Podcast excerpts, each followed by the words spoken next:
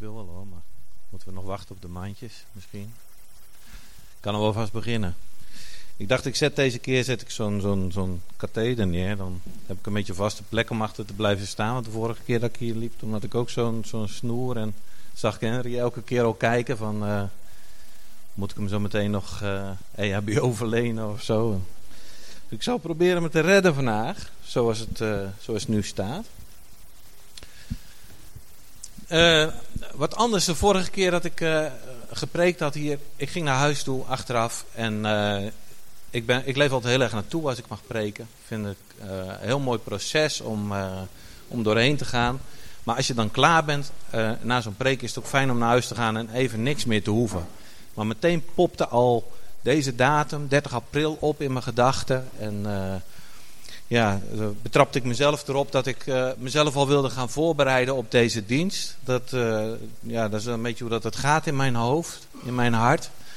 En eh, ik had tegen, tegen Willem al gezegd met, met de planning van ik ga spreken over de weduwe van Sarfat dan. Dus ja, het begon meteen weer een beetje, een beetje te leven. En ik heb dan s'avonds toen ik naar bed ging, heb ik eh, dat ook aan de Heer gegeven. Dat ik tegen hem zei van Heer, ik eh, wilde juist een klein beetje de rust in. En ik merk al dat er wat onrust is. En ik heb gezegd dat ik ga preken over de weduwe van Sarfat. Maar dat is misschien wel iets van mij.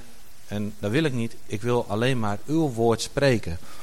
Dus als dat nu van u is, ik ga lekker slapen. En eh, geef me de rust over. Geef me een goede nachtrust. En geef dat ik ook eventjes gewoon in die pauzestand mag voordat ik me verder ga voorbereiden.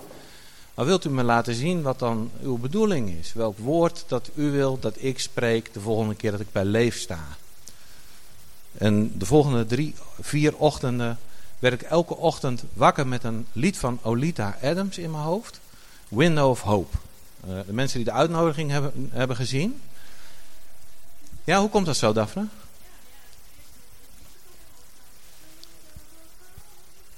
Wauw, bijzonder. Nou, dat is wat God. Ja? Nou, dat is wat God in mijn, in mijn gedachten heeft gegeven. En waar ik drie ochtenden mee wakker werd, of vier ochtenden. En dat levert dan wel wat verbazing op, want ik luister eigenlijk bijna geen muziek. En helemaal niet uit ver vervlogen tijden. En uh, ik wil jullie er even naar laten luisteren om jullie geheugen op te frissen. Voor de mensen die niet net zoals Def, Daphne en, uh, en Martin dat meteen in de, in de gedachten krijgen. Dus we hebben even een klein stukje, hoop ik. Dat de techniek ons niet in de steek laat.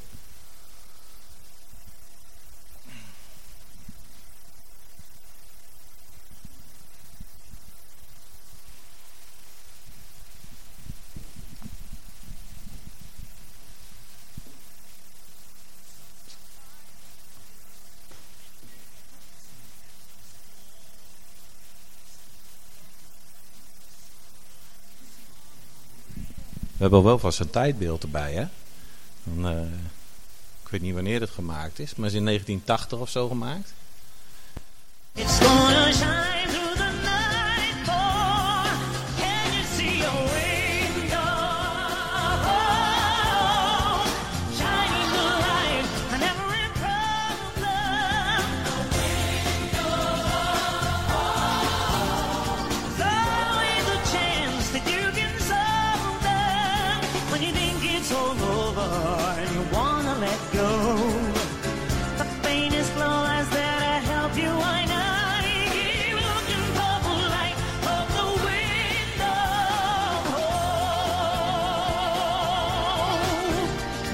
Wel genoeg is om uh, de geheugens. Uh...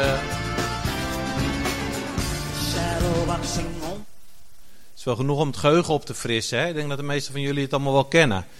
Ik heb uh, wat tekst op de projectie voor de beamer laten plaatsen, zodat we eerst even ook gewoon kunnen kijken waarom dat, dat dan relevant is. Want voor mij was het meteen wel duidelijk toen ik deze tekst kreeg. Niet de widow of hope, hè? ik zou over de weduwe van Sarfat spreken. Dan zou je snel denken dat er nog een N tussen staat. The window of hope staat er. Uh, en niet de widow of hope. In the darkness of... Ja, je gaat te hard denken. Of ik te zacht, weet ik niet. Nou, in het donker van je, uh, uh, van je binnenkamer ben je aan het krabben aan je, aan je wonden. En ben je eigenlijk een beetje aan het knuffelen met, met je verwonding, met je pijn, met de situatie waar je in zit. En ja, je behandelt eigenlijk je verdriet, je pijn, behandel je als je beste vriend. Alsof dat het een uh, onoverkomelijk einde is. Zo wordt het dan gezongen. En dan de volgende, Eduard. En dan is de refrein, see the light shining on the wall. It's gonna shine, through, shine through the nightfall. Can't you see?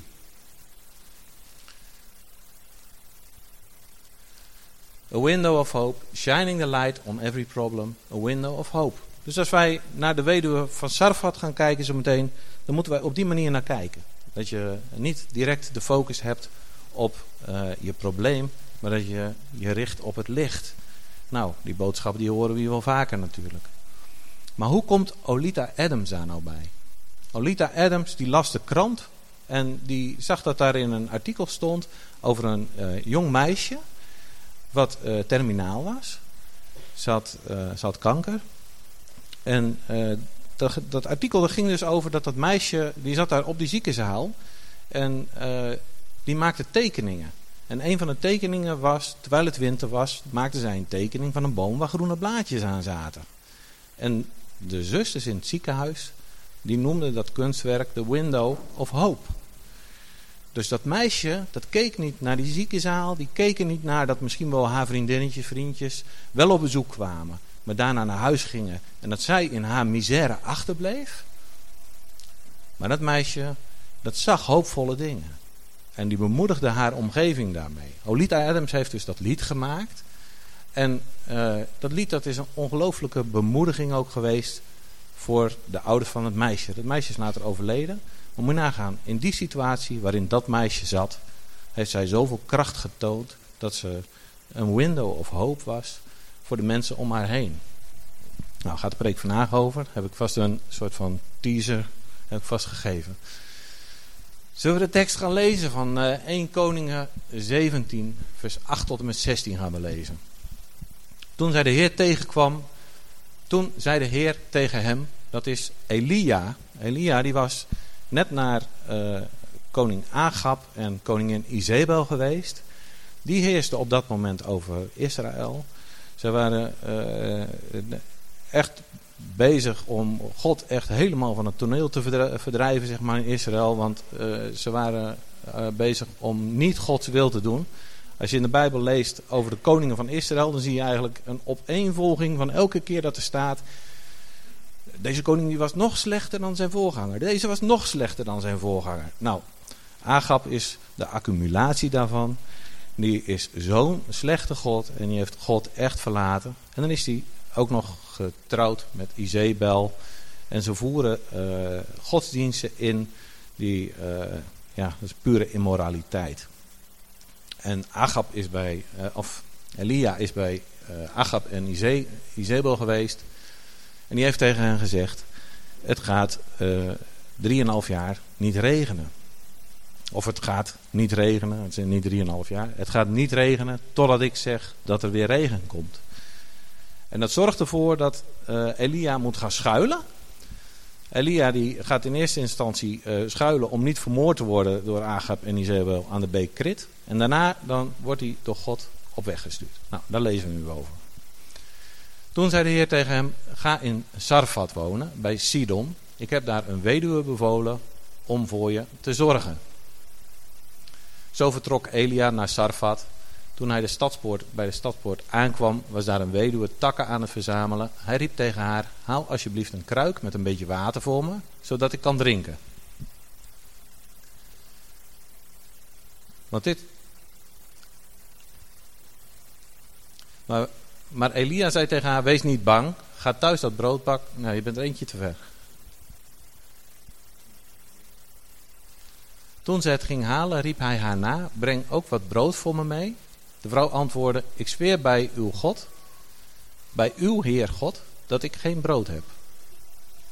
Ik heb nog maar een handjevol meel en een klein beetje olie. Ik ben nu wat takken aan het verzamelen om thuis voor mij en mijn zoon een brood te bakken. Als dat op is, moeten we maar sterven. Maar Elia zei tegen haar, wees niet bang, ga thuis dat brood bakken, zoals je hebt gezegd. Maar maak eerst voor mij een kleine koek en breng mij die, voor jou en je zoon kun je later bakken. Want dit zegt de Heer, de God van Israël: Het meel in de pot zal niet opraken en er zal genoeg olie in de kruik zijn tot de dag dat de Heer het weer zal laten regenen. De vrouw ging naar huis en deed wat Elia haar had gezegd. Een tijd lang had ze te eten met Elia en haar gezin. Het meel in de pot raakte niet op en er zat altijd genoeg olie in de kruik, zoals de Heer door Elia had gezegd. Nou, dan vind ik echt, als ik dat, als ik dat lees, dus ook waarom dat ik er graag over wilde spreken, vind ik zo bijzonder dat ik zie dat iemand die zichzelf ten dode opgeschreven heeft, die God die spreekt tot, tot die vrouw, die, uh, die zegt ik ga iemand naar je toe sturen en daar moet je voor zorgen. En die vrouw die ziet zichzelf gewoon als ja, ten dode opgeschreven. Die vrouw die denkt van ik heb nog een, een handjevol meel en een klein beetje olie. Ik ga zo meteen een koek bakken. En als ik dat gedaan heb dan zal ik sterven. Maar God ziet helemaal niet een krachteloze vrouw waar hij niks mee kan. God die ziet een vrouw waar hij een wonder door kan verrichten. En het enige wat hij nodig heeft is de bereidheid van die vrouw. En God heeft dat gezien. Dus God die stuurt Elia op haar af. En Elia, die naam die betekent uh, de Heer is God. Dus uh, hij is eigenlijk het, beeld van de Heilige Geest die bij haar komt wonen. En uh, met dat zij hem ontvangt, nou daar geeft ze in eerste instantie aan. Ze snapt dan blijkbaar nog niet meteen dat zij op die manier voor, God moet, uh, voor Elia moet zorgen dat ze uh, brood moet, moet bakken. Water wil ze wel voor hem pompen of wil ze er wel uithalen uit de put. Dus dat, ja, ik moet voor die profeet zorgen. Nou, ik ga hem wel water geven, maar dat brood gaat nog niet helemaal goed komen. Nou, dat zegt ze dan tegen Elia. En Elia die zegt, vertrouw er maar op dat dat goed gaat. En zij doet dat. En zij doet dat niet één keer, maar zij doet dat dag in dag uit. En daar denk ik dan over na. Dan denk ik van, ja, de eerste keer dan, dan gebeurt dat wonder. En dan denk je bij jezelf, hoe is dat dan gebeurd? Heb ik misschien toch verkeerd gezien? Zat er misschien toch nog meer olie in die pot dan dat ik dacht? Zat er misschien toch nog uh, meer meel in dat potje dan dat ik dacht? En dan doe je het nog een keer. En de volgende dag kom je erachter van, hé, die pot is nog steeds niet leeg.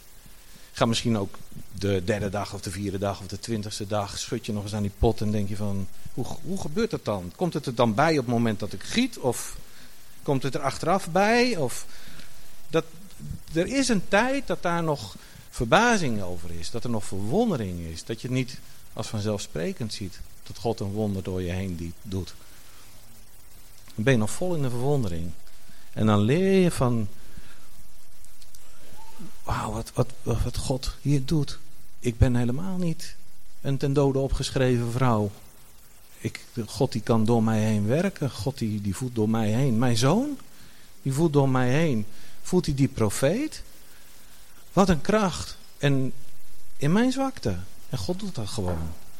Dus die verwondering is er nog. Maar het duurde, zoals we lezen in de Bijbel, duurde het wel drie, drieënhalf jaar. Voordat het weer ging ging regenen. En ik denk dat er op een gegeven moment ook een moment komt dan dat dat wonder al normaal is voor je. Geef ons heden ons dagelijks brood. Nou ja, gaat de volgende dag naar de bakker, je haalt weer brood en er is weer brood. Wat vanzelfsprekend kan het voor ons zijn dat er eten is, dat er drinken is, dat we gezondheid hebben, dat de dingen goed gaan. En dan verlies je de verwondering, dan verlies je de dankbaarheid. En dan ga je daar ook over stoppen te praten op een gegeven moment. Maar deze vrouw die is trouw.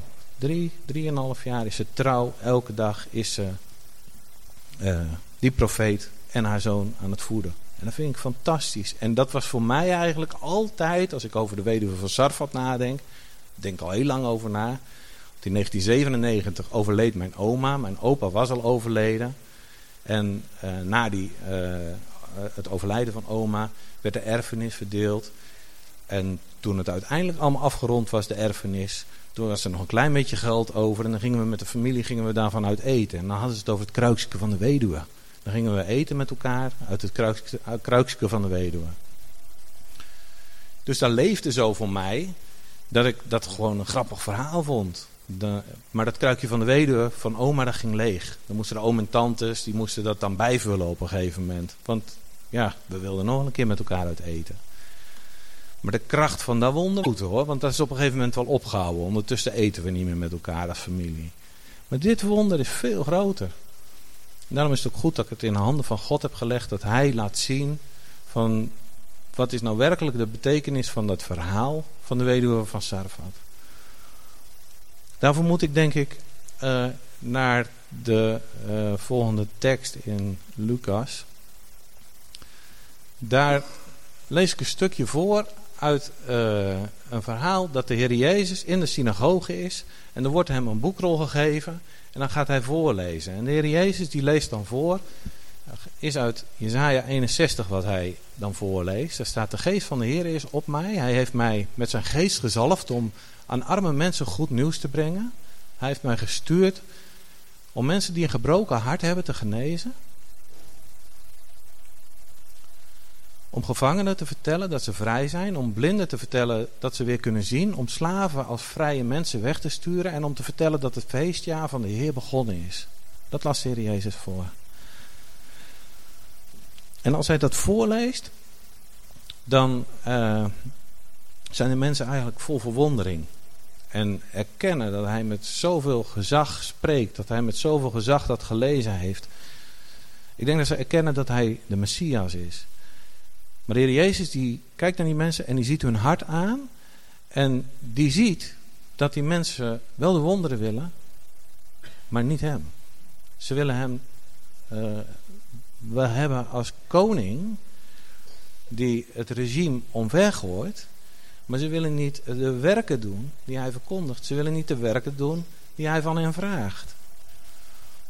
En dat zegt hij dan tegen hen. En dan gaan die mensen, die gaan tanden knarsen.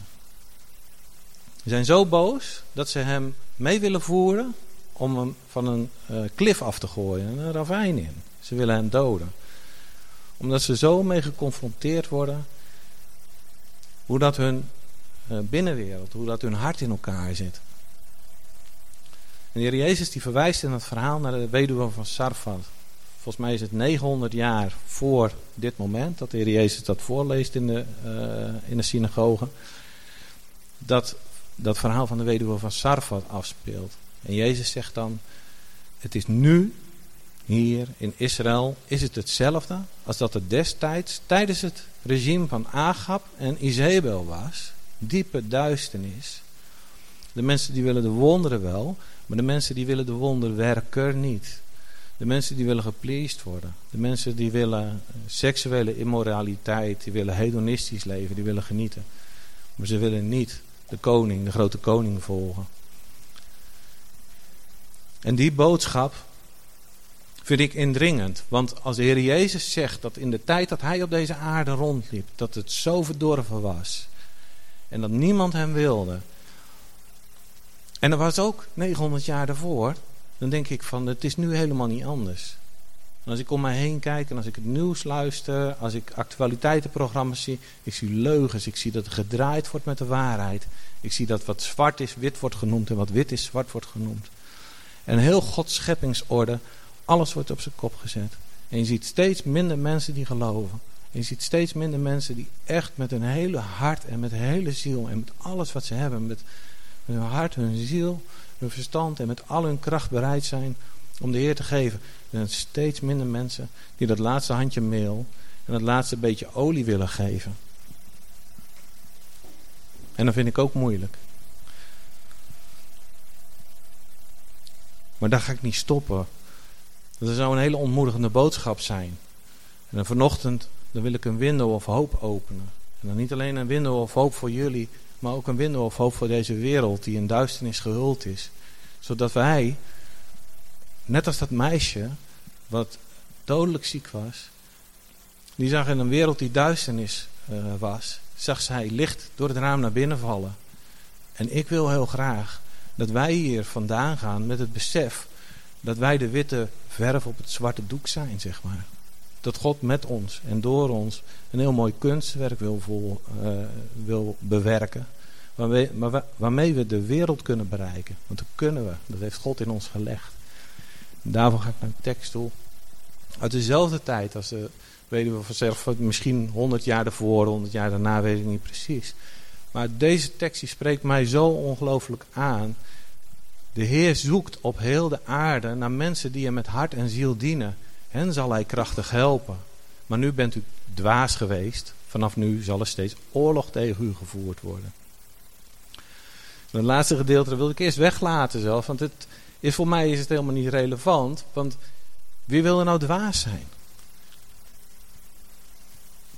Er is iemand die dwaas wil zijn.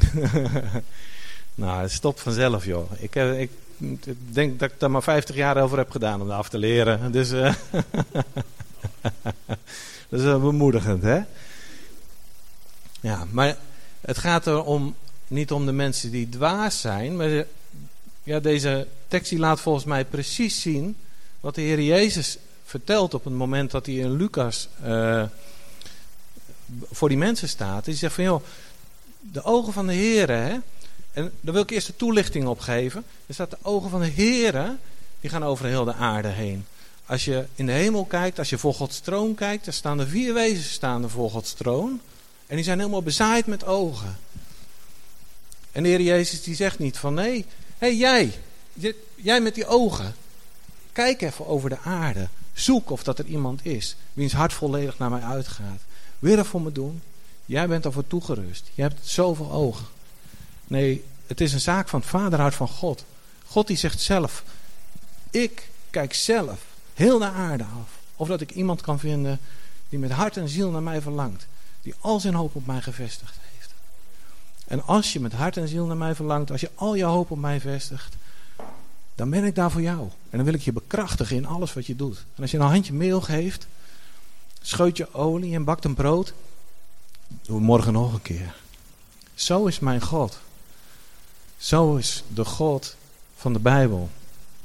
Dus deze tekst, dat vind ik zo fantastisch krachtig. Dit gaat over koning Asa. Die heeft op een gegeven moment heeft hij wel de belofte van God gehad. Bewijzen van spreken van, doe het handje meel. En gebruik dat scheutje olie om een brood te bakken voor die profeet. Het was een andere situatie, maar daar kwam het zeg maar op neer. Maar hij had zijn eigen oplossing.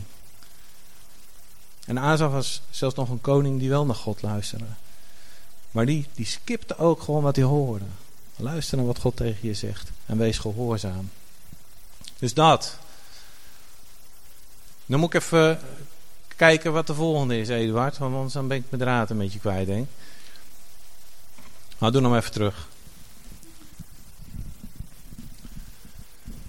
Zet hem maar eentje terug. Leidt alleen maar af.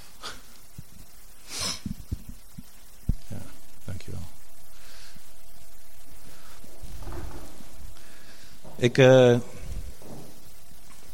ik, ik wil hem concreet maken naar, ons, uh, naar onszelf toe. Voor zover dat uh, nog niet gebeurd is. Ik, ik moest tijdens de voorbereiding van de preek moest ik denken aan een situatie die wel vaker voorkomt. Dat ik de tuin inloop en dan hoor ik, joh Marco. Dat is dan meteen de buurvrouw. Die heeft een soort antenne voor. Van, als ik naar buiten loop, heeft ze meteen door, groet meteen. En vaak leidt dat tot een kort gesprek over of door de heg. Deze tijd van het jaar kan het nog door de heg, want die is nog niet zo groen. Maar dan, dan staan we zo een beetje met elkaar uit te wisselen. En uh, dat is eigenlijk heel leuk. Heel vermakelijke gesprekken zijn het vaak. Deze mevrouw is een kunstenaar. En vaak gaan de gesprekken er dan ook over, over wat zij aan het creëren is. En dat vind ik hartstikke leuk om het over te hebben. En vaak gaat het ook over de dingen die ik aan het creëren ben. Dus als ik dan met een preek bezig ben, dan probeer ik dat natuurlijk ook naar voren te brengen. Want zij is niet iemand die met de Heer leeft. Dus dan denk ik van, nou, vertel ik wat over mijn creatief proces. Jij wat over jouw creatief proces. En dan komen we wat dichter bij elkaar. De buurvrouw die begon op een gegeven moment tijdens zo'n gesprek over een gemeenschappelijke kennis bij ons in de wijk. En die zei van, ja, ik kwam die en die tegen, ik zal de naam niet noemen. En uh, zij vertelde dat ze jou tegen was gekomen in de wijk. En dat ze bijna geen gesprek met je kon hebben. Want jij kent volgens mij iedereen. Ja, je woont hier nog niet zo lang. Maar iedereen die je tegenkomt, maak je een praatje mee. En nou ook nog op inhoud. En dat klopt.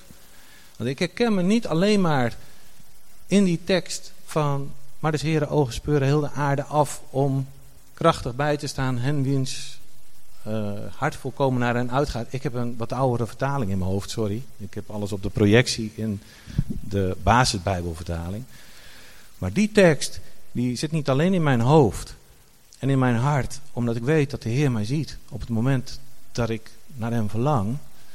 Maar ik herken me daar een klein beetje in. Ik heb er van huis uit meegekregen dat ik om me heen kijk en dat ik denk van... Hey, gaat het wel goed met Jantje of Pietje? Gaat het wel goed met Trusje? Kan ik wat voor iemand betekenen om hem te bekrachtigen? Dus dat is iets wat heel erg tot mijn hart spreekt. En dat was opgevallen. Dus ik vertelde haar van ja, ik kwam inderdaad die buurvrouw tegen en ik ga wel eens naar die en die buurvrouw toe. En er is zoveel werk in de wijk te doen met mensen die allemaal in hun gebrokenheid leven.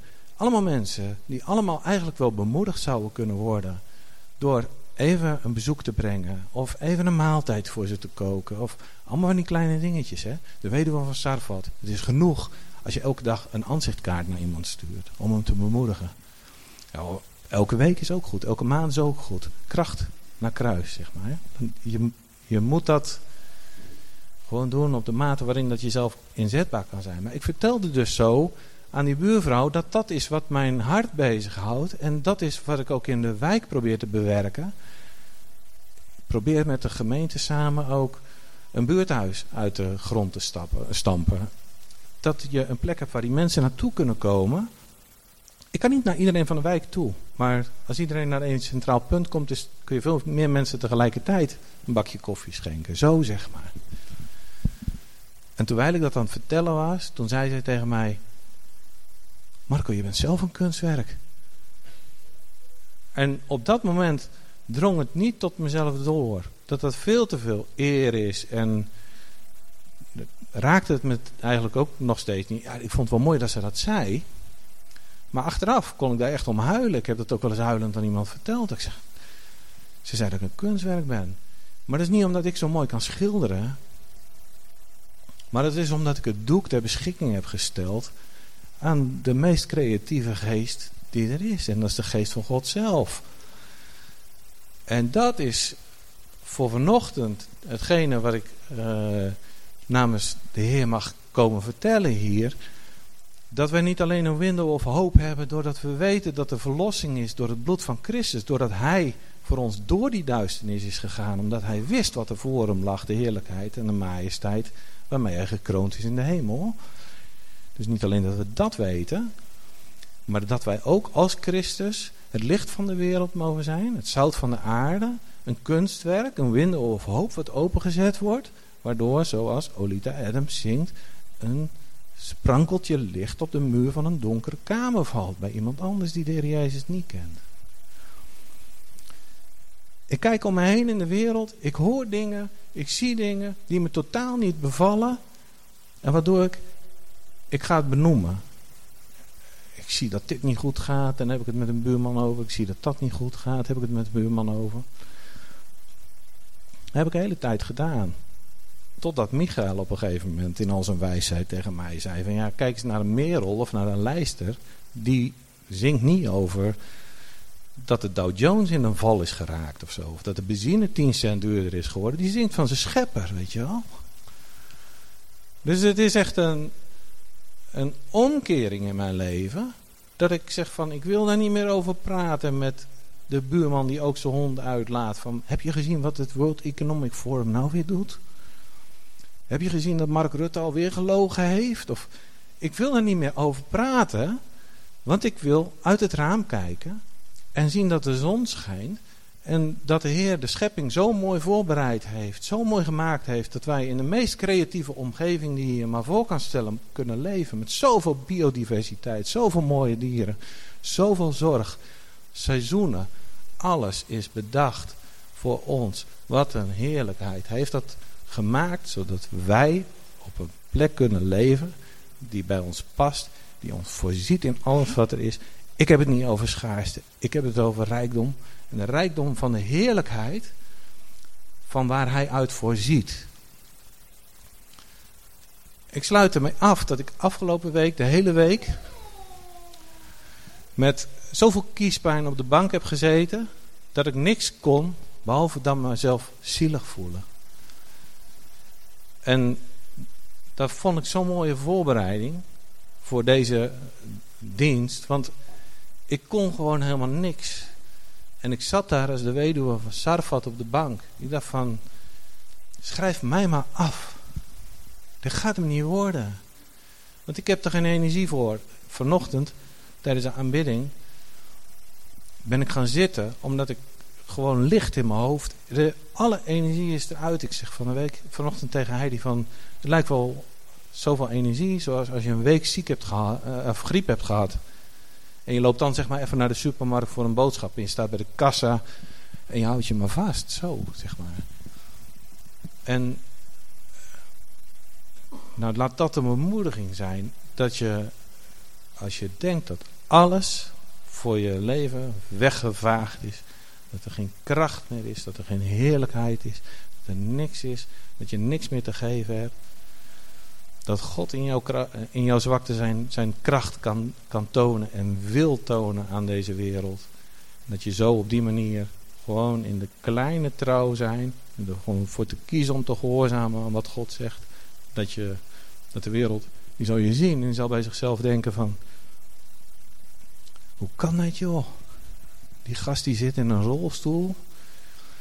Die, die, die, die moet met een rietje. Met een rietje moet hij dat ding sturen. Die, die heeft helemaal niks bij te dragen aan deze samenleving. En toch zie ik altijd dat daar zo'n vrede van uitgaat van die man. Toch zie ik dat er altijd zo'n kracht van uitgaat. Hoe kan hij nou zo blij zijn? Hij kan helemaal niks. Dat is Gods vrede. Dat is Gods liefde. Dat is Gods heilige geest die door mensen heen werkt. Dus schrijf jezelf niet af. God wil een wonder door je doen. In Jezus' naam. Amen.